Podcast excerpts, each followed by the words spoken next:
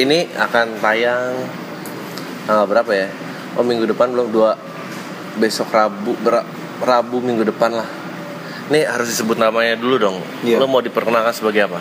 sebagai Yusril, Oh. Yusril Fariza. Bukan tokoh yang terkenal itu. Bukan, nggak usah, nggak penting gitu. Jadi Nario nggak nggak penting. Mario nggak penting ya. Iya. Kena- eh, kenapa nggak penting? Tapi gue nonton lo stand up lucu banget sih cerita tentang Nario itu di Idul Fitri itu anjing banget sih. Ya itu emang apa ya kayak kayak emang udah itu belum pernah tak open mic gitu bang. Ya. Jadi itu emang emang sengaja wah ini kayaknya jadi jadi satu konten yang yang bagus untuk diceritakan. Ini adalah Lebaran pertama di mana semua keluarga nonton bukan apa hampir sebagian besar keluarga-keluarga itu nonton Ceres. cek tahun sebelah itu makanya jadi wah ini ini nggak sempet sih kalau di open micin ya udahlah langsung ditulis aja emang bener-bener Enggak lah. bener-bener gitulah faktanya tuh Aku sih aku sih yakin kalau yang udah se lo sih udah udah tahu lah. Lo ikut stand up dari kapan sih? aku ikut stand up itu sebenarnya dari awal dari 2011 Hmm. dari 2011 pertama kali open mic itu tanggal 3 Oktober 2012 Oh, gue juga ingat tanggal open mic gue. iya 3 Oktober 2012 2011 nih 2011 di Jeronimo Cafe itu acaranya Slow Slow acaranya Mas Anang Eh, hmm. tuh kenapa? Eh, terus Terus memang eh, awalnya sih karena ya standar lah karena karena diajak temen gitu, diajak temen karena banyak omong di kelas lah intinya tuh banyak omong di kelas. Tapi dari dulu aku nggak pernah sih bang. eh, Jadi eh, banyak omong tapi cuma dikeja- dikenal sebagai orang yang ngocol doang, oh, bukan bukan yang yang pintar membawakan suasana enggak. Oh. Cuma dikenal ya ini biasa ngocol gitu doang. Jadi lo di kelas emang emang badung gitu maksudnya emang badut kelas lah. Iya dari SMP. Kalau SD masih kan aku di, di pesantren ya. Ini kalau di ini dia menarik nih. jadi kalau di pesantren itu intinya kan jauh dari orang tua. Hmm. Nah waktu SD itu aku masih sama orang tua tuh yang masih masih orang tua kan salah satu tokoh masyarakat lah ya. Ada lah bapakku tuh kiai lah intinya Iya. tuh. Nah kalau bikin kesalahan kan apa-apa anak SD itu selalu eh, waduh anaknya ini kok kelakuannya ya. kayak gini gitu-gitu. Jadi kalau di rumah tuh aku jaim aku yang yang benar-benar eh, yang benar-benar tiap ada azan maghrib langsung ambil Wah. sarung ke masjid gitu-gitu. Waduh. Nah waktu masuk pesantren itu kayak nggak ada yang berarti ini aku bikin kesalahan apa nih nggak akan ada ini yang yang peduli sama aku. Boleh. Intinya semua semua yang pengen tak lakuin bener-bener tak lakuin ngocol di kelas terus rame bikin masalah gitu-gitu Jadi itu lo melihat pesantren tuh malah sebuah kemerdekaan ya. sebuah kemerdekaan kemerdekaan pertama itu kemerdekaan pertama sebagai anak kecil apa ya kemerdekaan pertama dan apa ya gejolak hormon kali ya Iya. langsung wah gitu loh tapi tapi bersaudara semua ke pesantren. pesantren semua Berapa bersaudara? ada yang betah Berapa bersaudara? tiga Oh. tiga tuh cowok cewek sama aku. Oh, kamu paling kecil. hmm. nah cowok nih nggak betah dia. Dua bulan keluar. Oh. yang cewek lebih lama enam bulan. Keluar tapi akhirnya keluar. Nah aku mungkin dua orang eh dua orang saudaraku ini nggak menemukan kebebasan. Nah aku menemukan kebebasanku nih di sini nih. Betah aku enam tahun. Atau yang memang senang dalam kurungan orang tua? atau memang iya? Atau memang iya? Nggak tahu juga. Nggak tahu juga tuh. Aneh itu Iya kan ada itu namanya Stockholm Syndrome. Apa itu bang Jadi Stockholm Syndrome itu sindrom dulu di Stockholm itu ada penjara. Hmm. Jadi sekian lama napinya tuh lama banget di situ. oh itu kayak yang diceritain di ini ya Sampai akhir Redemption kayaknya deh. Sampai akhirnya penjara itu dibubarin, nggak ada napi semua dibebasin. Napi itu pada bingung. Pergi malah dia balik lagi ke situ. Nah dari situ keluar namanya Stockholm Syndrome. Oh Stockholm Syndrome maksudnya itu, itu kota di Swedia kan? Iya. Nah itu tuh beberapa band kan ada yang pakai itu jadi judul lagu kan? eh. Muse terus Iya. apa Blink pernah? Entah entah penjara apa nggak tahan pemerintahan begitu dibebasin orang malah bingung malah kangen kekangan itu lagi. Hmm, wah. Ya ada kali ya gitu ya. Ternyata Stockholm Syndrome tuh intinya itu. Waduh aku baru tahu tuh. Iya intinya dia balik lagi. Hmm, tapi kalau aku itu justru yang kayak waktu di pesantren tuh udah mikirnya udah ya bebas aja udah udah lepas dari kekan. Karena kan aku tuh anak-anak terakhir ya anak terakhir. Terus eh, saudara laki-laki pertamaku ini ini nakalnya minta ampun. Eh. nakal yang yang dari SD udah ngerokok lah gitu-gitu.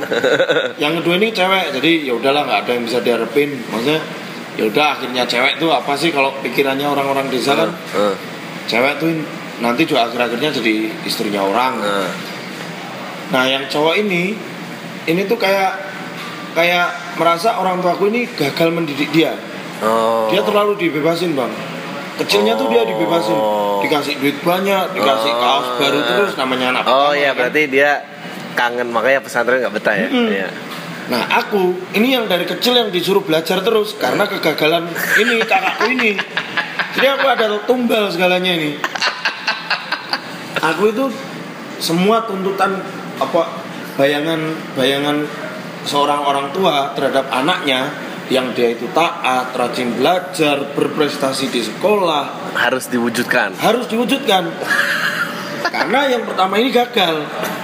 Yang pertama gagal. Terus semua itu emang dari kecil tuh aku aku adalah anak eh, yang pertama kali yang nggak boleh nginep di luar rumah. Oh. Terus nggak boleh eh, maghrib tuh harus di da- harus harus masuk rumah. Harus ngaji. Harus ngajinya tuh harus selesai. Terus kelas Aduh. kelas 3 SD itu harus udah wisuda TPA. Gitu itu. Oh.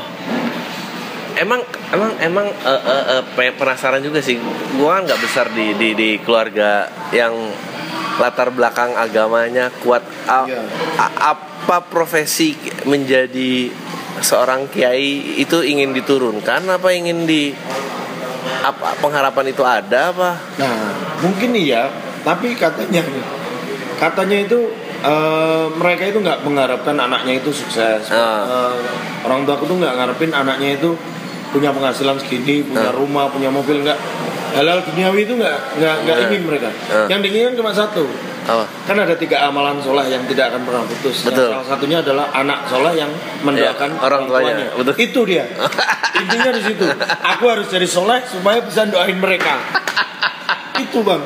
luar biasa nih Ter- tapi sekarang mereka nih tahu wujud asli kamu nggak Wujud asli itu mana? dalam maksudnya sekarang kan kamu pola pikirnya beda stand up terus Hmm. cerita kemarin pergaulan Iya. makin luas Hmm. main film apa berubah nah itu sekarang mereka ngeliatnya gimana Nggak tahu. nggak tahu Sampai oh, sekarang mereka nggak tahu. Oh, sampai sama. sekarang sampai sekarang aku itu kalau adalah agak mirip lah sama gue eh, tertutup bang. oh, iya iya Jadi kalau di sini aku bisa bebas ke mana aja. Tapi kalau di rumah Iya. jangan main-main imageku di situ di rumah. wah Jadi kalau di rumah yang biasa Alah sok banget sih sholat gitu-gitu saudara-saudara saudara-saudara gua kan tahu kelakuanku di sini kan. Eh, Alah sok banget sih sholat gitu-gitu. oh Kalau di rumah beneran sholat, iya beneran yang kalau Mestinya it- itu itu menjadi beat pembuka sebelum kamu masuk situ. harusnya tapi udah udah pernah tak ceritain. Eh, oh, stand up kemarin. Iya. Oh, iya iya. iya. Complete setnya kayaknya gitu tuh. Iya, komplit setnya. Makanya aku bilang kan, set, aku bilang sama si Benedion sebelum uh, perform itu, wah ini uh, setku ini belum belum solid pak. Hmm. Set solidku itu tahun kemarin, Eh, set solid. Nah ini tuh aku nggak solid. eh, Nah ini cuma bridging di mana aku harus menceritakan uh, pandangan keluargaku terhadap peranku di cek toko sebelah ini. Tapi untungnya per- karena perannya menjadi banci itu udah agak membantu. Jadi Hmm. orang tua ketat nggak perlu di- diceritain lagi. Jadi Iya. bisa ke situ sih. Cukup satu kata itu kemarin tuh. Apa? Bapakku kayak baru. Akhirnya diungkap juga. Udah, tadi mau nggak disebut, Oh iya iya udah deh. disebut mau di delete. Ya dilihat aja deh. Iya udah.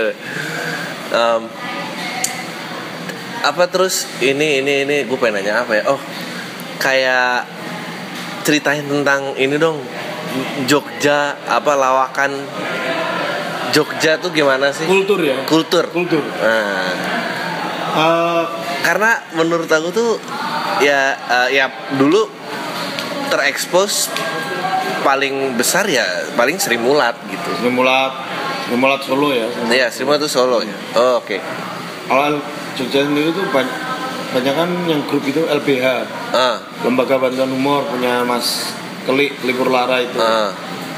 Tapi kalau aku kultur di Jogja kultur lawak di Jogja ini eh, memang nggak pernah habis ya. Maksudnya aku aku lihat aku lihat kultur lawak di Semarang di kota-kota lain tuh Ya. kayak Solo gitu-gitu tuh mereka kalau udah punya sosok Ah. tapi sosok, sosok ini nih nggak nggak nurun betul regenerasinya tuh kurang gitu betul betul ini kayak kayak musik di Bandung maksudnya nah iya benar iya benar mundurnya banyak skena musik di Bandung. Nah kalau lawak di Jogja ini ada terus, Ah. ada terus tuh maksudnya apalagi dengan stand up komedi ya. Ah.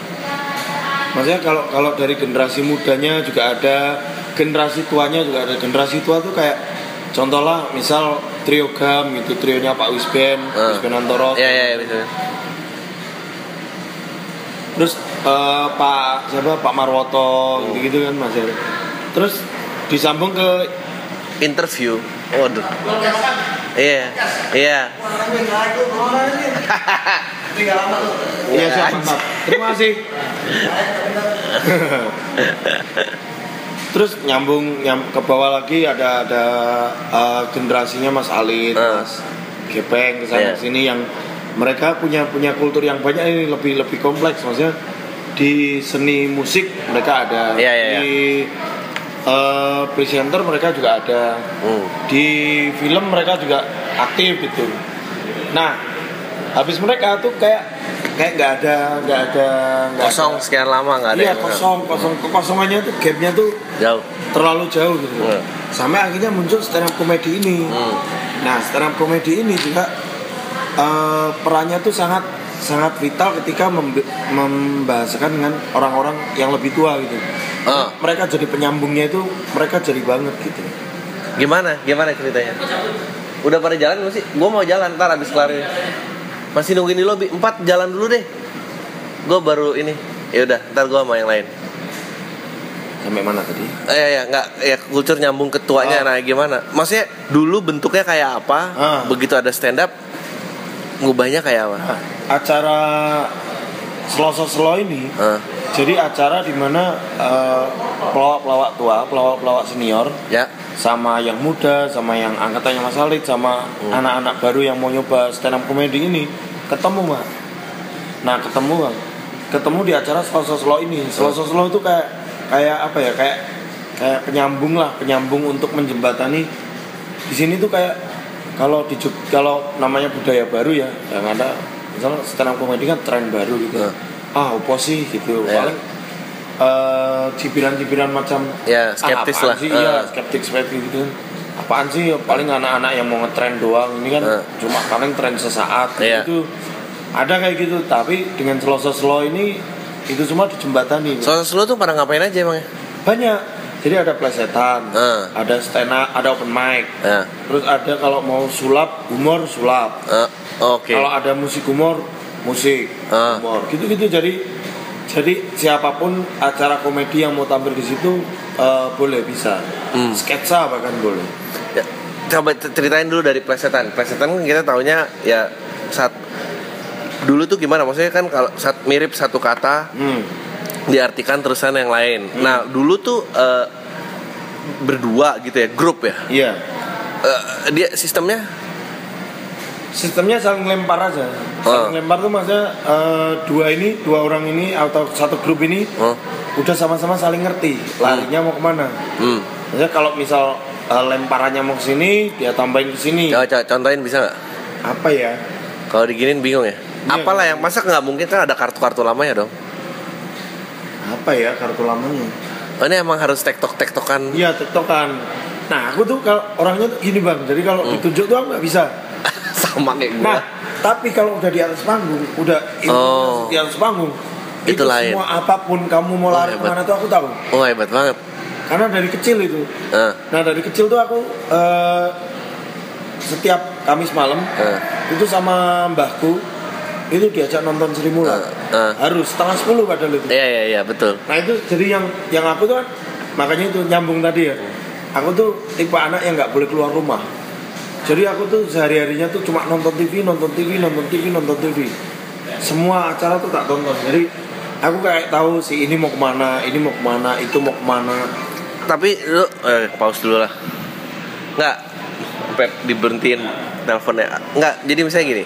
Kalau kalau gue yang lihat Sri Mulat itu kan campur ya. Maksudnya ada ada seni peran, dia eh, membuka dengan satu set, satu set eh, dibuka dengan monolog. Eh, monolognya itu biasanya eh, menceritakan karakternya. Hmm. Jadi misalnya kalau dia seorang pembantu di di eh, Di apa rumah gitu ya. rumah yang turunannya orang VOC gitu. Ah, dia pasti ini masuk eh, dia lempar jokes eh, tentang sebetulnya jokesnya tuh bukan self dep bukan self deprecate itu apa ya bahasa Indonesia ya Eh, menjelekkan diri sendiri Iya, dia betul. jokesnya tentang situasinya wah aku ini ini, ini terus majikannya Hmm. apa dadadadadad. Eh, eh, tapi tentang kenaasan dia juga kan biasanya iya nah abis itu masuk tuh mulai peran apa-apa Hmm. nah itu tahu misalnya plesetan misalnya oh ini kan ada bambu runcing terus oh runcing bukannya Hah, apa hah. der and then satu akan bereaksi Hmm. harus be- ya, harus begitu bereaksi terus Ah. tahu tahu dia harus jawab lagi bukan dia mau ngelempar punchline lagi itu gimana Nah, itu yang yang menurut gue harus harus ada chemistry-nya nih kalau kalau Oh. orang ini. Jadi kalau misal satu ini tuh uh, aku tahu, misal aku partneran sama Benny ya atau aku partneran sama Mukti. nah Ini akan beda, Bang. nah Kalau kalau partneran sama Benny itu dia bisa bisa kadang nyiptain situasi. nah Nyiptain situasi, dia bikin terus plesetan, terus aku benerin. Ah. Nah, yang standarnya, standarnya plesetan itu yang satu plesetan, yang satu benerin. Itu itu Ya. paling paling basic ya. Atau yang satu plesetan, yang satu benerin. Kalau yang misal yang A yang A plesetan, yang B benerin. Otomatis kan lucunya kan kita kena di A ya lucunya kan kita kena dia karena kita uh, Nah. benerin apa yang jadi apa Ya. yang udah jadi jokesnya dia nah nah si B ini bisa uh, ngakalin lagi kalau dia pengen dapat tawa dia bisa dapat uh, apa kayak reaksinya nah misal reaksinya gitu reaksinya saking emosinya dia karena udah berkali-kali dimainin sama si A ini dia bereaksi nih Oh benar, Nah. eskalasi emosi emosinya jadi pelesetan satu reaksi dua makin kesel tiga dia kesel Dia kesel lagi Ah. Nah, gitu itu permainan di situ atau dia menjawab dengan sesuatu yang lebih jauh lagi ini jadi benerin. Eh, ininya dibenerin lagi Oh. Nah, kalau gitu kan eh, kalau flow-nya enak gitu, udah enak aja gitu loh. Oh. Tapi kalau kalau udah udah mentok, udah udah kamu yang bagian eh, si playmakernya ini, Hah? ini yang harus yang harus ciptain situasi lagi. Anjir, gue tuh lambat loh kalau improvisasi improvisasi gitu tuh susah banget.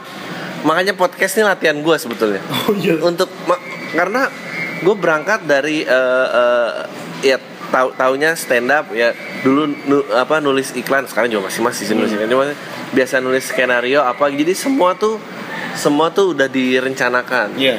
sampai akhirnya oh kalau kalau hafal mati kok nggak nggak nggak nggak cair gitu nggak cepat beradaptasi Eh, nggak tahu kalau ngebom harus balas apa segala macam gitu-gitu nah akhirnya ah udahlah cobalah eh, improvisasi bahkan nyobain interview pun biasain nggak nggak nyiapin apa apa tapi kira-kira tahu lah Aku awal-awal stand up itu juga banyak kan improvisasi. Maksudnya sampai sekarang banyak improvisasi juga. Hmm. Cuma eh, satu titik itu aku tahu aku pernah ngerasa bahwa wah aku nggak bisa nih jagain improvisasi nih. Maksudnya aku harus punya satu Hmm. satu set nih paling enggak satu set yang yang paling enggak aku bisa bahas gitu ketika aku ngeblank gitu.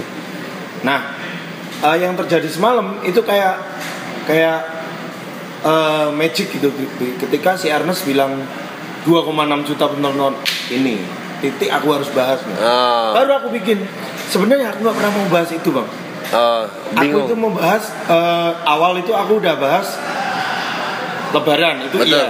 lebaran itu iya. Terus eh, habis itu ke efek setelah aku dapat peran ini. Eh. Maksudnya DM dari beberapa yang aneh-aneh. Oke, gitu-gitu. ada banyak. Eh. terus eh, aku semua nggak tak nggak sempat ceritain tuh.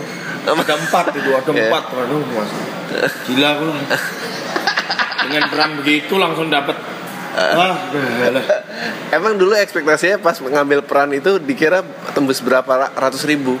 nggak nggak nggak pernah berekspektasi Nggak pernah itu ya. Eh, Nggak nyangka sampai 2,6 nggak juta. nyangka sampai 2,6 nggak nyangka akan ditonton banyak keluarga gitu-gitu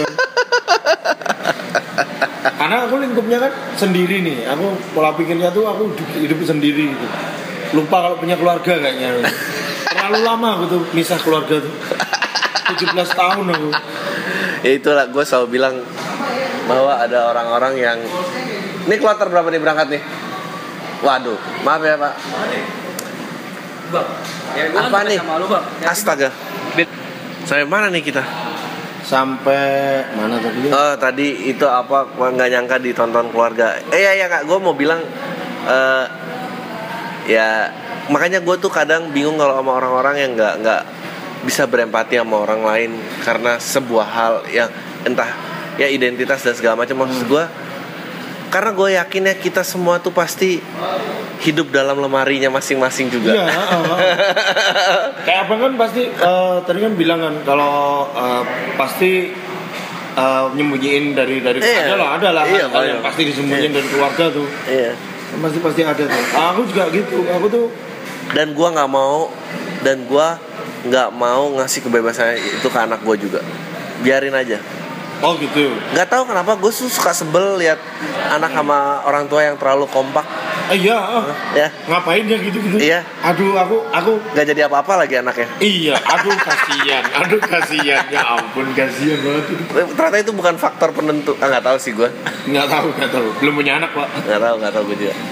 Apa mau mana tadi oh terus pleset uh, ya sebetulnya oke plesetan terus apa tadi? Eh, Uh, kayak sulap komedi. sulap komedi. Musik komedi. Musik komedi. musik komedi ya uh, ya Mas Anang juga main ya gitu. Main main. Ya, eh, pas musik komedi itu biasanya dia nyambung lirik eh kayak kayak ya, kayak apa mash up gitu. ya plesetan masukin Ah. lirik juga lagu eh, kalau kalau sulap komedi ya sulap bocor aja. Dia cuma nggak apa ngasih tahu triknya aja. Eh, intinya gitu intinya di situ. Kalau sketsa? Sketsa itu jadi kayak si Mas Anang Mas Halid Mas Awang ini Eh, main main satu situasi di mana itu itu itu jadi satu hal yang lucu gitu loh. Eh, misal kayak ada dua orang preman habis nyuri terus ada satu satpam. Nah ini sketsanya tuh dimainin di sini. Oh. itu acaranya lama banget itu bang. Eh. Dari jam 7 bisa sampai setengah satu bisa yang sampai yang, jam yang, 12 yang di plotting apa? Apa banyakan improv juga? Bayangkan improv. Uh gila ya. Bayangkan improv. Gila. Nggak a- apa ya aku tuh belum belum pernah lihat a- tapi kata-katanya sih ada. Katanya ada eh, ketika seorang pelawak gitu mau mau perform ketoprakan gitu ya. Nah. Itu dia dia eh, dia nyiapin gitu bener-bener nyiapin kayak ketoprak tuh sketsa apa beda sketsa sketsa tapi kayak stimulat gitu Iya, iya, iya. tapi lebih kayak kolosal gitu gitu loh oh oke kolosal ya Nah, oke ketoprak ketoprak gitu ketoprak umur gitu gitu loh Iya nggak, berarti itu pembedanya. Maksudnya berarti kalau misalnya settingnya modern bukan ketoprak gitu. ada sih ketoprak juga sih Ah kayak gimana sih? Oke, terus lanjutin dulu tadi mau ngomong apa? Ah itu eh, kayak kayak Pak Kirun gitu, Ya. pelawak-pelawak Jawa Timur gitu. Hah? Pak Kirun, Pak Marwoto itu katanya tuh sebelum mereka ketoprak itu mereka latihan yang yang Ya, kayak di banyak. belakang panggung yang monolog mereka latihan, tiktokannya mereka latihan. Nah dulu waktu aku kecil tuh menganggap ini waduh gila ini pelawak hebat-hebat banget bisa nyiptain kelucuan kayak gini.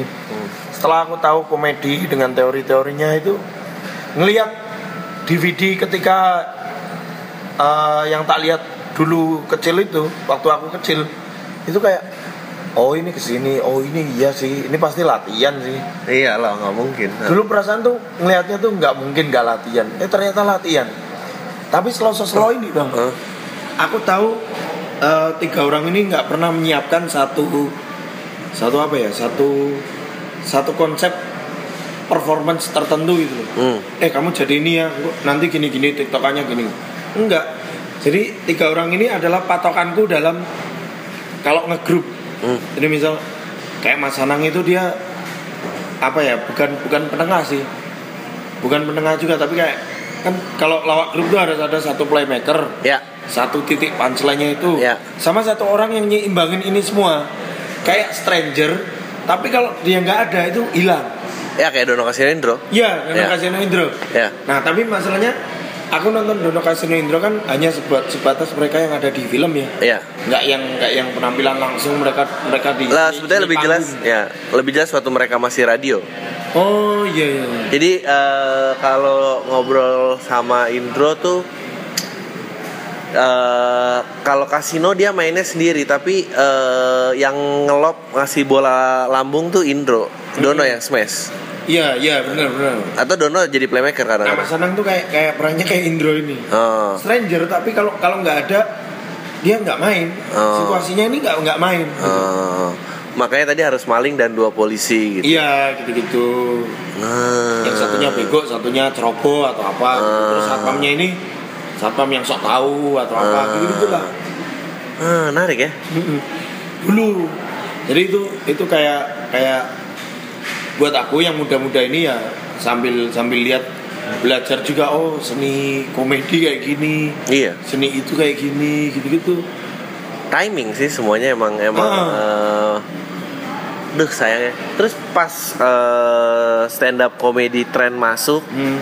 apakah sebetulnya stand up tuh dulu masuknya salah setting menurut gua kenapa karena ada pendikotomian lawakan cerdas dan lawakan tidak cerdas iya itu Saya itu setuju itu paling fatal nggak ada nggak bisa mau gue sih percaya eh, ya harus kelunuan lah Hmm. maksudnya ha- harus pay the respect sama yang tua karena Hmm. visinya pun nggak tahu mau eh, memang gini oke katakan stand up punya dasar-dasar keresahan atau atau Iya. atau membuat eh, poin tertentu terhadap lawakan tersebut Iya, ah, ah. tapi kan dasar membuat tertawa itu nggak ada yang pernah tahu. Betul. nggak eh, eh, eh, em, kayak kayak apa ya kayak kalau aku bilang bilangnya tuh ya pada intinya semua semua aliran itu semua ali- apa pun apa pun komedinya itu berdasarkan dari keresahan. Eh, karena dari kere- keresahan itu Iya. kita kita jadi nemuin satu asumsi. Iya. Asumsi itu yang akan kita samakan ke penonton betul. kemudian yang akan mematahkan kita juga itu loh. Iya. Jadi pada intinya seperti itu kalau Iya, aku. kayak pe- pembantu eh, eh, gimana rasanya jadi pembantu orang kaya? Iya. Yang keluarganya bodoh-bodoh ceder jadi. Jadi. Ah, atau gimana rasanya jadi pembantu? Ah, terus kedapatan tamu ah. karena si tamu ini ngeyel bahwa rumahnya iya. si ini pembantunya ini ngaku sok kaya. Iya. Nah itu lawak paling lucu tuh. Wah. Segala lawak kalau udah tokoh utamanya adalah orang yang sok kaya itu lucu. Ya itu yang satu satir di mana kita ini merasa me- miskin memang.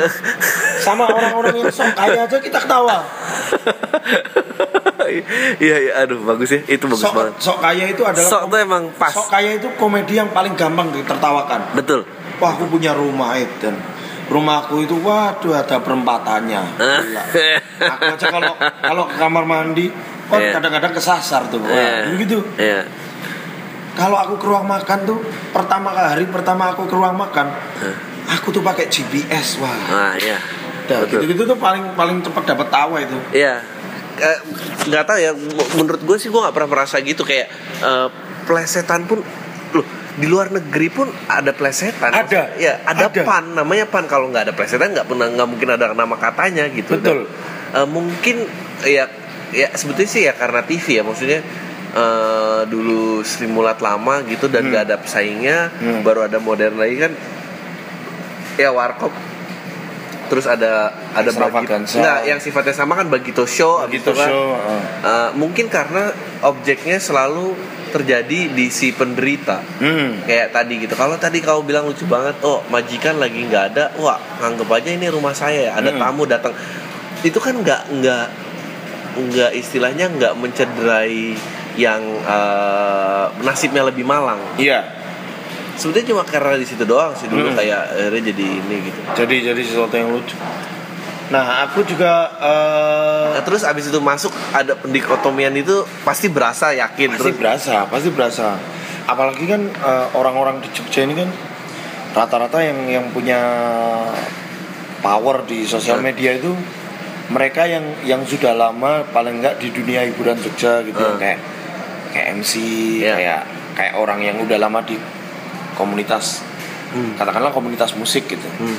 Kan di, di Jogja tuh ada ada satu satu komunitas musik yang Hmm. yang rutin bikin acara nah Hmm. itu kayak wah apa ini acara apa nih gitu Hmm.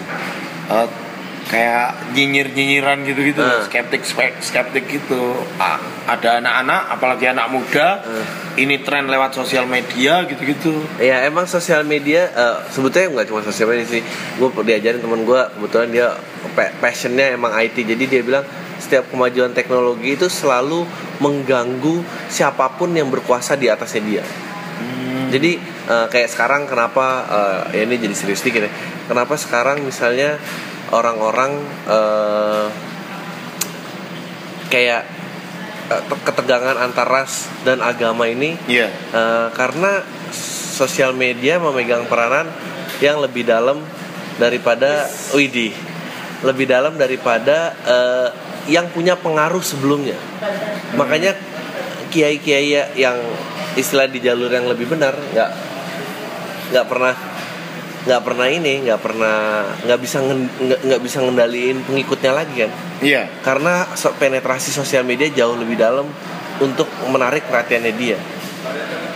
Iya sih iya bener juga iya sih. makanya nggak bisa nitip. Makanya eh, itu penelitian bang ya? Eng- enggak ya itu penelitian. Mak- maksudnya ma- dan kejadian nyatanya kemarin maksudnya eh, Kiai Haji Busri Mustafa oh. udah mau ngered eh, apa? Bisri Mustafa. Bisri Hmm. mau ngeredam kayak apa udah nggak bisa kan? Hmm. kan udah dibilangin suruh tenang jangan ini jangan ini. Nggak ada nggak bisa. Nggak, iya ya reaksinya nggak bisa karena orang-orang ada akses yang lebih mudah daripada itu gitu. Padahal dia udah rutin tuh. Eh, udah rutin ngasih itu tiap dia pun yang termasuk yang lumayan update di sosial media Iya. yang nggak lebih update lebih udah Waduh. udah Iya. hilang Iya makanya eh, awal-awal awal-awal eh, stand up muncul gitu ya. Ah banyak lah yang yang yang yang eh, skeptik gitu. Ini kalau kalau setahun stand up komedi ini masih jadi tren, Hmm. aku bakal stand up. Ada, Wow. ada dulu yang gitu dulu gitu ada. Terus ada juga yang Jogja itu ada ada ada satu senior yang yang lebih tahu stand up eh, bukan yang mulai stand up komedi tahun 2008. Oh. Jadi saat saat stand up komedi belum begitu marak dan Ah. sosial media nggak begitu marak di sosial media nggak begitu marak ya. 2008 dia tampil di eh, acara jazz ini. Ah. Eh aduh jadi nyebut musiknya ya Nggak apa-apa. lah. Acara acara acara musik jazz ini Eh. dilempar kayu bang sama pot. itu itu pengalaman itu na- namanya komiknya itu eh, Pak Sigit Sigit Eh. Daryoseno Eh. itu dia dilempar pot dia dilempar balok kayu yang yang buat buat tempat duduk gitu Iya. dilempar ke panggung ya terus Mas Ali itu juga, juga, juga dulu pernah katanya Oh, dulu pernah yang diteriakin orang dari belakang Hmm. lucu bapak eh gitu gitu Oh. lebih lucu bapaknya gitu gitu Aduh. Mas Ali kan anaknya Iya. Pak Marwoto kan Eh. Lebih lucu bapaknya gitu-gitu dari belakang. Ya gitu-gitu. Sama sama kayak kayak kayak awal-awal awal-awal kita stand up tuh kayak yang dari yang dari apa kayak bukan bukan pelawaknya sih lebih Oh. lebih ke penikmat yang Eh. penikmat lawakan lama terus tiba-tiba datang ke acara yang baru di mana itu ada stand upnya. Gue jadi penasaran. Tapi misalnya dulu sebelum ada stand up ya mi alasan orang eh, ber- berkomedi eh, menuai karirnya di mana? TV apa emang eh, eh, job tuh banyak di off air? Coba banyak off air. Oh job banyak off air. Kalau kalau TV karena dulu ya nggak ada ya, ya mungkin ada fasilitas cuma paling satu dua lah. Satu dua tuh maksudnya yang, yang diangkat ya itu aja lah. Bang Adri tahu ini nggak LBH nggak Hmm. lembaga bantuan umum Iya. nah paling itu loh Iya, itu aja itu aja dari dari yang uh, komunitas plat AB gitu Iya, gitu iya, iya, iya. komunitasnya tuh udah udah emang udah turun temurun lah regenerasinya ada gitu cuman kan Ah. formulanya seperti itu itu terus kalau nggak formulanya seperti itu nanti dikira tidak bingung ya Nah, karena karena ba- based on job kan Iya, ya. based on job gitu. Iya. Kalau di luar dari itu dikira bukan bukan diri, dibilang Eh, wah ini ini ini nyalai bukan bukan yang yang bukan yang sesuatu yang bisa dijual nih gitu. iya iya iya iya iya. oh menarik ya tapi tapi apa ada apa ada grup lainnya istilahnya yang lebih idealisnya lah yang dia selalu ngedorong lawakan tuh bisa sampai mana gitu nggak ada sih Oh, Kayaknya mungkin guys. itu problemnya. Setauku, setauku nggak ada. Eh, Setauku nggak ada. Setauku ya cuma cuma kalau ada job ya udah yuk ambil ya udah yuk ambil ya udah yuk ambil. Nggak nggak yang kayak idealis harus gini. Karena nggak tahu ya dulu idealisme komedi seperti apa tuh nggak tahu ya. Iya benar kan nggak tahu. Idealisme komedi kayaknya kayaknya ya kalau stand up kalau stand up kan kita ada idealisme yang yang yang harus ini. Tapi itu kembali lagi karena sosial media. Oh iya iya. Iya, saya percaya karena gini, kalau muaranya ujungnya cuma satu, semua pasti ngikutin jobnya kayak apa. Yakin saya. Karena muaranya sekarang nggak cuma di sini, ada orang-orang yang kayak gua gitu yang katanya idealis sebetulnya sih enggak juga ya karena nggak sering diterima di TV juga. gua tuh bisa jelasin semua tingkah laku gua itu bukan karena pilihan tapi eh bukan karena pilihan tapi karena kesempatan yang nggak ada. Maksudnya lalu dibangun dan, dan tapi usaha membangunnya itu cepat membuahkan hasil. Hmm. Mungkin kalau misalnya dulu zaman dulu misalnya eh, nggak ada sosial media, nggak ada u- ujung muaranya eh, ya berarti kan kalau bukan TV berarti ujung muaranya job-job off air. job job of air Hmm. Nah, kalau ada cara untuk menciptakan job off air itu sendiri, Hmm. pasti waktunya jauh lebih lama. iya ah, Nggak mungkin, nggak mungkin. Eh, nah itu, nah itu kedua lagi power of teknologi adalah nggak cuma menghancurkan eh, yang sedang berkuasa, tapi mempercepat proses eh, proses yang mestinya dulu lebih lama jadi lebih cepat gitu. kayak ya itu kali ya yang yang bikin stand up comedy kenapa di rentang waktu enam tahun ini Oh, udah gede banget, udah langsung merajai banyak orang. betul betul Maksudnya simpel lah kayak dulu juragan juragan sepeda kalau dia nggak mau berinovasi, ya itu ada yang punya motor ya habis dia. Kan teknologi motor Iya. mengalahkan sepeda, motor akan lebih cepat dari sepeda. Ya udah, tren pasar langsung berubah. Mm-mm. Tap- Oh ya, ya itu mungkin itu kali dan gue yakin semua sama kalau makanya jangan makanya gue bilang gue sering sih nyebut ngebahas ini Eh, tak, pernah ada yang nanya Hmm. bang dalam seni itu yang overrated apa sih waduh Waduh, dalam gitu ya ya. pertanyaannya ya, jawaban gue adalah seni yang paling overrated itu adalah ide. Ide itu murah. Ide itu murah. Jangan pernah kalau lu ngerasa ide itu mahal lu pasti lama bikin ide baru. Kalau lu bisa satu keambil lu ada 100 lagi lu nggak peduli sama yang diambil. Itu satu. Kedua yang ya, kedua yang yang paling overrated adalah idealisme. Karena karena eh gue tadi mau poinnya apa ya job apa gitu tadi ini mau dramatis malah hilang waduh Waduh, eh karena nggak ada yang namanya, maksudnya semua tuh karena karena kesempatan dan pilihan tadi gitu, Hmm. Eh, nggak nggak ada yang seni demi seni itu nggak ada. Jadi apa pun bentuk, oke, nah gue ingat bentuknya. Kenapa idealisme itu? Apa pun bentuk seninya, Iya. kalau ujung muaranya di job iya itu nggak, ya itu job, itu job itu job pasti pasti job. Pasti. Saya yakin.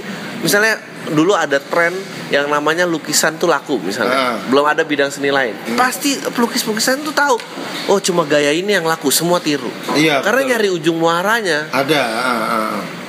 ada ujung muaranya ah, nggak ada maksudnya ka- kalau emang eh, eh, eh, istilahnya kenapa eh, ya dulu kalau misalnya ngomongin Inggris atau apa gitu rock rock tahun 60-an iya yang mem- kenapa mereka diagung-agungkan dari musik dan kayak ternyata musik itu eh, udah berakhir di tahun 80-an 70 masih ini. Karena orang-orang itu seolah-olah ya saya ragu juga seolah-olah itu dia menciptakan sesuatu yang sebetulnya ujung muaranya belum kelihatan. Nggak tahu mau ke mana ya? Eh, nggak tahu nggak tahu. Maksudnya dulu eh, kayak misalnya musisi eh, apa misalnya eh, konduktor musik klasik. Hmm. Kalau berdasarkan pesanan raja ya dia ya mau gimana lagi? ya itu job. Job betul. Bedanya mungkin dulu brief dari raja nggak jelas maksudnya ya udah ya dia suka suka aja maksudnya Heeh. ya kan? Kalau kita kayak ya TV larangannya nggak boleh ini nggak boleh ini boleh ini. Ya udah gitu sih. Dulu ada kok zamannya inget pokoknya ada deh sejarah kayak zaman kerajaan runtuh konsep pertama restoran itu konsep pertama restoran itu bukan tentang eh, nggak kita nggak bisa pesan menu Hmm. dulu yang punya koki itu cuma kerajaan. Pas kerajaan runtuh nggak punya job dong koki. Koki bikin experience rasanya kalau kamu jadi raja nih kayak apa.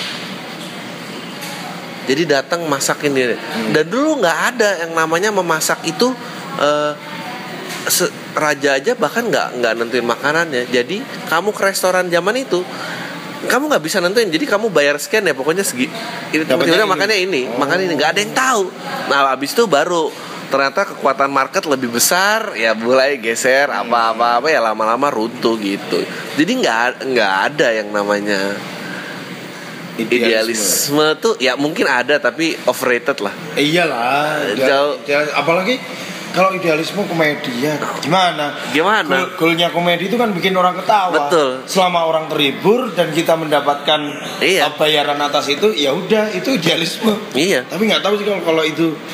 Oh iya juga sih kalau kalau berpikirnya bahwa yang paling overrated itu adalah idealisme. Iya betul. Maksudnya semua dikait-kaitin Eh, mungkin yang mungkin yang menjadi makanya kembali ke culture tadi gitu ya mungkin ya eh, ya bukan cuma Jogja ya Indonesia dengan ke- tidak biasa mengungkapkan opini atau men- udah berusaha menunjuk ini arahnya mesti ke mana. Itu yang membuat orang ah ini apa sih? gitu. Nah, kenapa kenapa gua harus ikut eh, sudut pandang lo itu yang nggak nggak apalagi kalau kalau eh, yang paling yang paling menurutku yang menjadi nomor satu kenapa kenapa seni seni stand up komedi atau seni komedi ini pada umumnya itu dibenci adalah karena komedi itu butuh selalu butuh korban ah benar di mana korban itu pasti harus bersinggungan dengan orang ya ya entah entah bersinggungan dengan orang entah bersinggungan dengan lingkungan Iya. atau entah bersinggungan dengan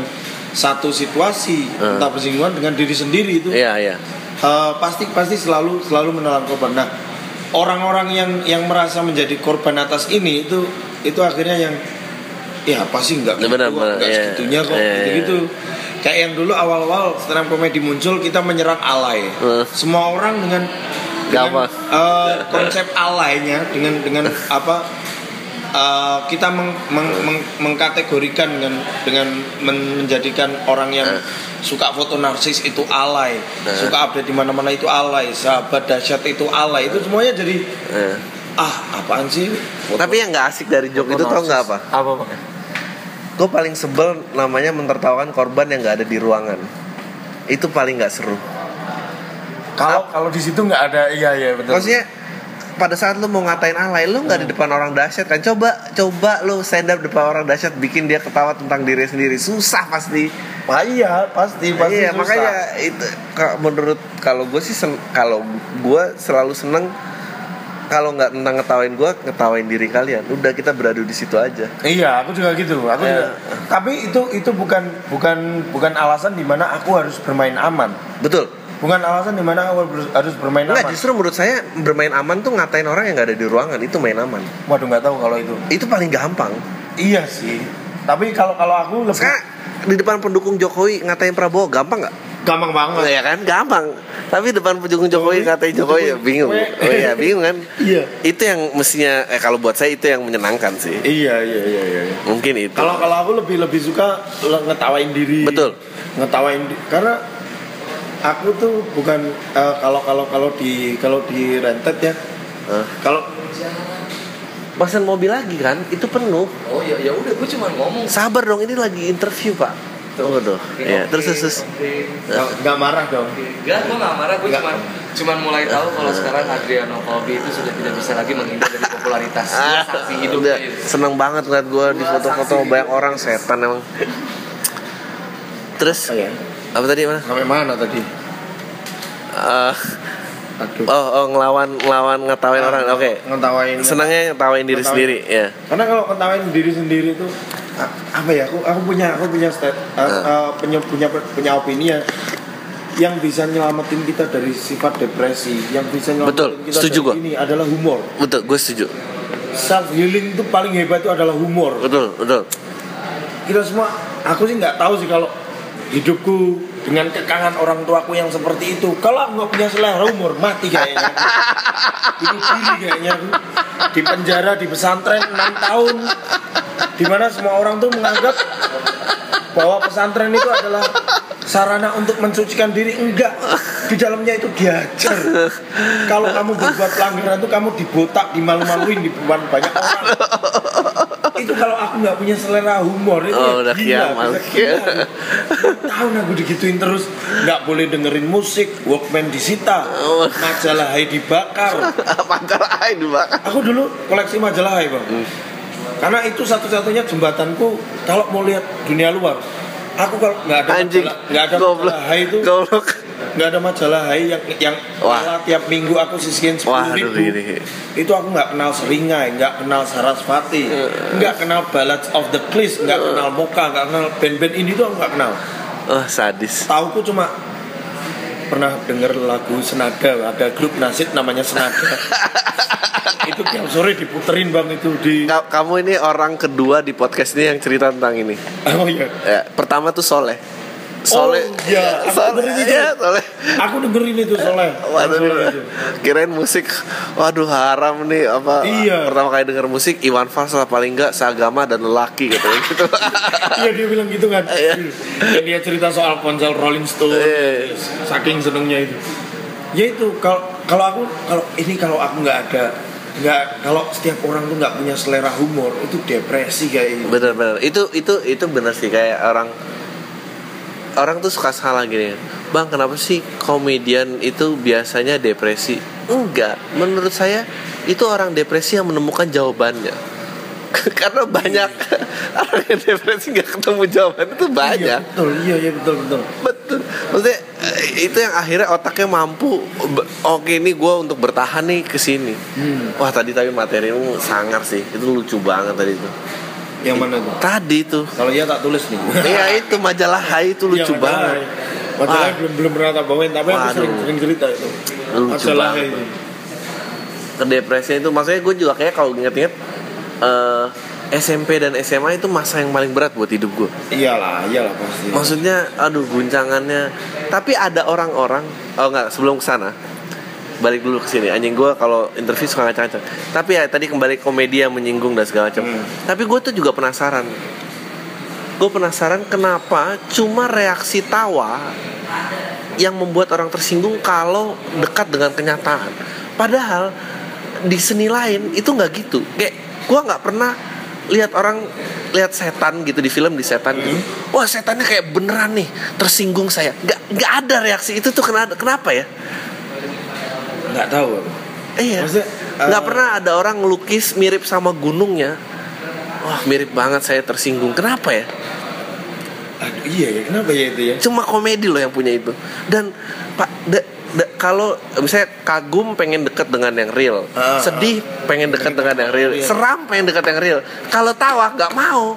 film juga kayak wah ini ceritanya deket banget sama aku bang. Gitu-gitu iya, musik juga wah liriknya nih gua Liriknya banget. nih aku banget nih. Gua nggak ngerti. Cuma komedi yang paling menyinggung orang. kenapa ya? Itu dia. Kalau kalau aku kalau aku pernah mikir gini dulu. Kalau aku pernah mikir gini nih. Kenapa ya? Eh, banyak orang menganggap bahwa komedi itu sama kayak musik. Padahal beda. Eh, kok musik? Kalau misal taruhlah lagu. Kalau kita bawain berulang-ulang kita nggak akan bosan iya. tapi ketika lawak joke kita Bosan. bawain berulang-ulang bosan entah dari sisi penampilnya secara emosi Eh, atau penonton. sisi pendengar pe- penontonnya secara eh, pen- pendengaran Maksudnya, Iya, iya. ya, ya, aku udah sudah sering lah denger ini Eh, eh. aku kesimpulannya cuma oh mungkin musik itu kaitannya sama perasaan Eh, sama sama emosi sedangkan kalau humor itu soal kejutan eh. itu yang yang menurutku musik tuh nggak bisa disamain sama komedi Iya, betul. karena semakin gitu apalah arti kejutan kalau udah diulang-ulang Ah, Ap- apalah arti kejutan kalau kalau kita udah tahu muaranya ke mana tapi Iya, kalau- betul. kalau nyambungin dari tadi aku jadi mikir kenapa ya orang orang kok tersing kok kok hanya tersinggung ketika semakin dekat dengan dia hanya di komedi Iya, gue juga nggak ngerti. Gue juga nggak ngerti, gue nggak ngerti. Masa masa lu pengen sih nonton setan yang kalau terbang kelihatan kabelnya? Nggak pengen kan? nggak pengen nggak bisa. Tapi kenapa kalau komedi lu pengen? iya. Iya. gue tuh penasaran. iya. Aku kok baru mikir aku ini? Oh sama apa lagi tadi ya? Tadi bapak kita sebelum pindah ke sini tadi lagi ngomongin apa ya itu? Lagi ngomongin ke eh, idealisme. Eh, bukan. Idealisme ya ini ini ini. Lupa aku. Ah ntar lah balik lagi eh eh tapi ya itu tapi itu perannya Mas Anang sih. Hmm. kalau Mas Anang waktu itu nggak ke Jakarta nggak ikut open mic nggak apa wah bablas kayak semua orang. So menjadi rajanya masing-masing. Hmm. karena ya im- improv tuh juga otaknya tuh susah.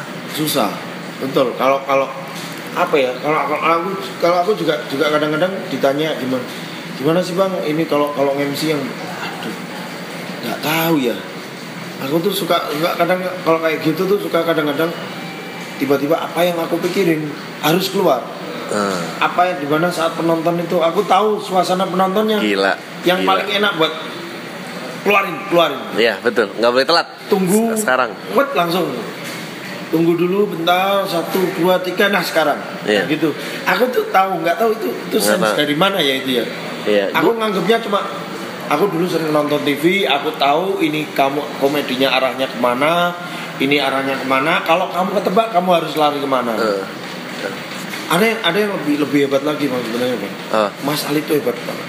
Oh, kalau dalam improvisasi Mas Ali itu hebat banget. Dia tuh nggak cuma jadi titik ger bisa tapi jadi playmaker bisa jadi penengah itu bisa jadi titik ger lebih lucu lagi. Ah, lucu ger. dan satu satu satu apa satu pelaku itu nggak cuma satu peran bagusnya ya dalam dalam komedi maksudnya Iya, ketika, ketika kita jatuh dalam grup yang berbeda iya. itu kamu bisa mendapatkan peran yang berbeda juga Hmm, menarik, menarik, menarik. ngalahi menarik. nyala ngalahi itu apa ya bahasa Indonesia nya ya mengalahkan ego lah Oh iya, iya. iya. ngalahi Hmm. Apa ya tadi?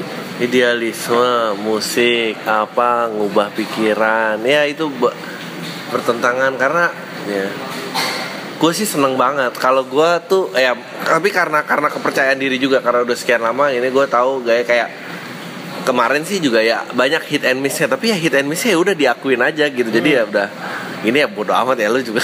Hmm. gue tahu kok ini working bodo amat gitu kayak. Iya yang yang itu yang penonton tuh ya bukan salah lu kok. Tapi nggak mau nggak pernah mau jadi orang eh, nyalain kesempatannya nyalahin oh ini nggak nggak nggak mau. Maunya naik tetap jadi profesional Hmm. eh, bahwa iya. Gue tuh gue tuh lagi nyari itu tuh ujung materi itu apa ya? Kayak acting. Orang kan acting mau kayak beneran kan? Iya. Mau kayak serial mungkin lah. Iya. Se- kayak kayak orang tuh nggak mau ini actingnya dibuat-buat iya matanya harus ke mana gila itu susah banget Eh, oh ya nih terakhir lah nih penutup sebelum jadi setelah semua ini terjadi dan apa pengharapan mau ke mana? Waduh, Aduh nggak tahu saya bang. Kalau kalau aku ditanya ditanya pengharapan sekarang nih apa? Kuliah kelar abis udah kelar. Sekarang Jakarta ya bolak balik bolak Siaran balik. juga kelar. Ya Jakarta bolak balik lah bolak balik. Eh, apa pun yang bisa di sini ya di sini. Hmm. Itu eh, memang emang. Nah dari pertama aku open mic ini aku nggak aku nggak tahu mau ke mana. Maksudnya nggak nggak pernah mencanangkan. Sempat sih mencanangkan untuk ikutan kompetisi ini. Lalu nanti akan ke sini, lalu nanti akan arahnya ke sini. Oke. ikut apa eh, planningku seperti itu pernah dulunya 2011 2012 tapi setelah setelah aku kan pernah ikut audisi sekali bang Hmm. audisi studi 3 tuh Hmm. habis itu gagal terus pernah beberapa kali tapping di eh, stasiun TV untuk program ya Metro itu kan Metro sama Kompas terus Hmm. kayak kayak aku pengen kayak aku pengen seolah-olah pengen pengen ngejar pengen ngejar siapa pun yang ada di depanku padahal kita satu angkatan gitu kayak Ah. kayak Izzy, Ah. kayak Bene kayak Ah. Benny itu Ah. Semua itu rasanya tuh pengen aduh aku masih gini gini aja nih ada perasaan gitu Iya. semuanya udah berkibar di Jakarta sementara aku di Ah. Jogja aja gini gini aja Ah. tapi eh, aku selalu inget eh, pesannya Mas Anang kalau di komunitas itu nggak nggak semuanya harus bisa berlari Betul. ada yang harus jalan Ya. ada yang merangkak ada yang merangkak pun harus dituntun Ya. ada jalan pun harus digotong pakai kayu Ya. nggak semuanya bisa berlari terus aku setelah tapping setelah setelah Iya, ini segala macam itu kayak apa sih yang tak cari di TV aku kayak kayak nggak bebas gitu. Materi itu aku tuh selalu ngebom bang. Di TV selalu Iya. selalu nggak pernah lucu gitu. Nggak tahu kenapa kayak kayak aku tuh pengen Suasananya lain. pengen marah terhadap sesuatu tapi aku nggak boleh maki-maki. Iya. nah itu. Itu yang itu yang menurutku susah. Makanya kayak kayak semalam penampilan semalam tuh kayak ketika aku bilang matamu itu emang emang beneran aku harus menularkan kekesalan ini ke Betul, penonton. betul, betul. Di mana ini ini sebenarnya kekes- kekesalanku, keresahanku sebagai sebagai seorang seorang anak yang punya bapak tokoh masyarakat tuh punya bapak kiai tapi anaknya jadi banci dalam satu film. Terus semua keluarga seluruh kampung seluruh Indonesia itu tahu. 2,6 juta penonton. Itu aku aku pengen pengen menularkan keresahan itu gitu loh. Oh, iya. yang di mana aku harus harus nih kalau nggak maki-maki penonton tuh cuma nganggep ini tuh biasa. Kalau maki-maki ini tuh pasti lucu Iya, dan gua tuh kayak, aduh gua tuh ngarepin, aduh gua tuh nggak fasih bahasa daerah sih, padahal pengen dengerin kalau kamu pakai bahasa Jawa tuh pasti lebih bagus lagi sih. kemarin padahal padahal udah udah mix ya udah Ya udah mix. udah udah mix, mix ya. Urusan ngaceng sendiri sendiri aja. iya ah, so- soalnya sering di Twitter bang ya di Twitter itu aku paling aku tuh di Twitter kan random ya bahasanya tuh kadang-kadang bahas bola ya oke bahas bola kadang bahas K-pop gitu aku pokoknya bahas K-pop kadang bahas sesuatu yang terjadi di Jogja oke bahas tapi nggak pernah rame ketika aku bahas bokep nah ini baru rame bang bagi linknya dong gitu bang ingat ya urusan ngaceng urusan masing-masing lah Ngapain sih kamu nih eh, eh, ini, ini, satu lagi gue sebelum kelupa, gue gue tadi eh, topik yang sebelum eh sebelum eh, ntar kalau ini siaran nih berarti senin kemarin gue banyak bahas eh, tentang eh, ya Mas Anang sama sama Jogja. Eh, ap- apa yang membuat kebijaksanaan itu ada ya di Jogja? ya kayak apa bang? Ya kayak tadi Mas Anang bisa nasehatin kamu, itu kan perspektif yang sangat membutuhkan eh, ego tuh udah harus runtuh gitu. Dan itu itu itu itu da- dalam lah itu. Maksudnya ada apa ya? Dari da- kenapa kenapa itu bisa dihirup di Jogja? Menurut saya itu di Jakarta nggak ada. Nggak akan ada orang yang ngomong gitu orang kalau ngomong gitu ke orang ya dasmu aku juga mau naik atas panggung mau dong diundang kenapa kamu? Iya ya. Aku aku merasa eh, nggak tahu mungkin mungkin akhirnya itu jadi jadi jadi apa ya sugestiku kali ya. Hmm. Ketika aku oh ya udah deh ngalah aja deh ngalah ini. Aku aku bukan orang yang harus selalu kejar tuh kejar terus enggak. Hmm. Tapi ada ada saat di mana aku aku aku butuh satu nasihat orang Hmm. untuk bisa membenarkan apa yang Iya. akhirnya menjadi satu mungkin bisa dikatakan satu kemalasanku ini Hmm. aku nggak bukan bukan orang yang tiap malam rajin nulis materi gitu nggak Iya. tapi nggak tahu ya kebijaksanaan itu orang Jawa nggak juga aku tuh nggak Jawa Jawa banget juga bukan bukan Jawa yang Ah. yang harus sendiko dawuh gitu sendiko dawuh kayak, kayak apa pun yang kamu katakan itu aku akan membenarkan Iya. orang yang lebih tua terhadapku gitu. Iya. sendiko dawuh itu seperti itu. Apa pun yang kamu katakan akan aku turuti itu sendiko dawuh nah itu aku aku bukan orang yang seperti itu juga gitu. Aku bukan orang Jawa yang yang bisa nerima mentah-mentah apa yang dikatakan orang yang lebih tua terhadapku gitu nggak tahu itu itu kenapa kebijaksanaan itu? Ya nggak tahu lah tapi gue senang banget belajar banyak. Cukup lah ya. Ya terima kasih ya. Terima sejam loh ini nggak berasa kan? Oh nggak berasa ya? Ada ya? Berasa karena suaraku habis. Oh Allah tapi nggak sih gue yakin sih lo bakal gede sih. Amin. Kita perlu buka rencana kita di masa depan sekarang nggak? Oh, iya. Ja- jangan diumumin. Nggak ada, nggak, Ntar iya, aja. iya, nanti Oke. aja, nanti oke. aja. ya udah itu aja. Tail semua. Deh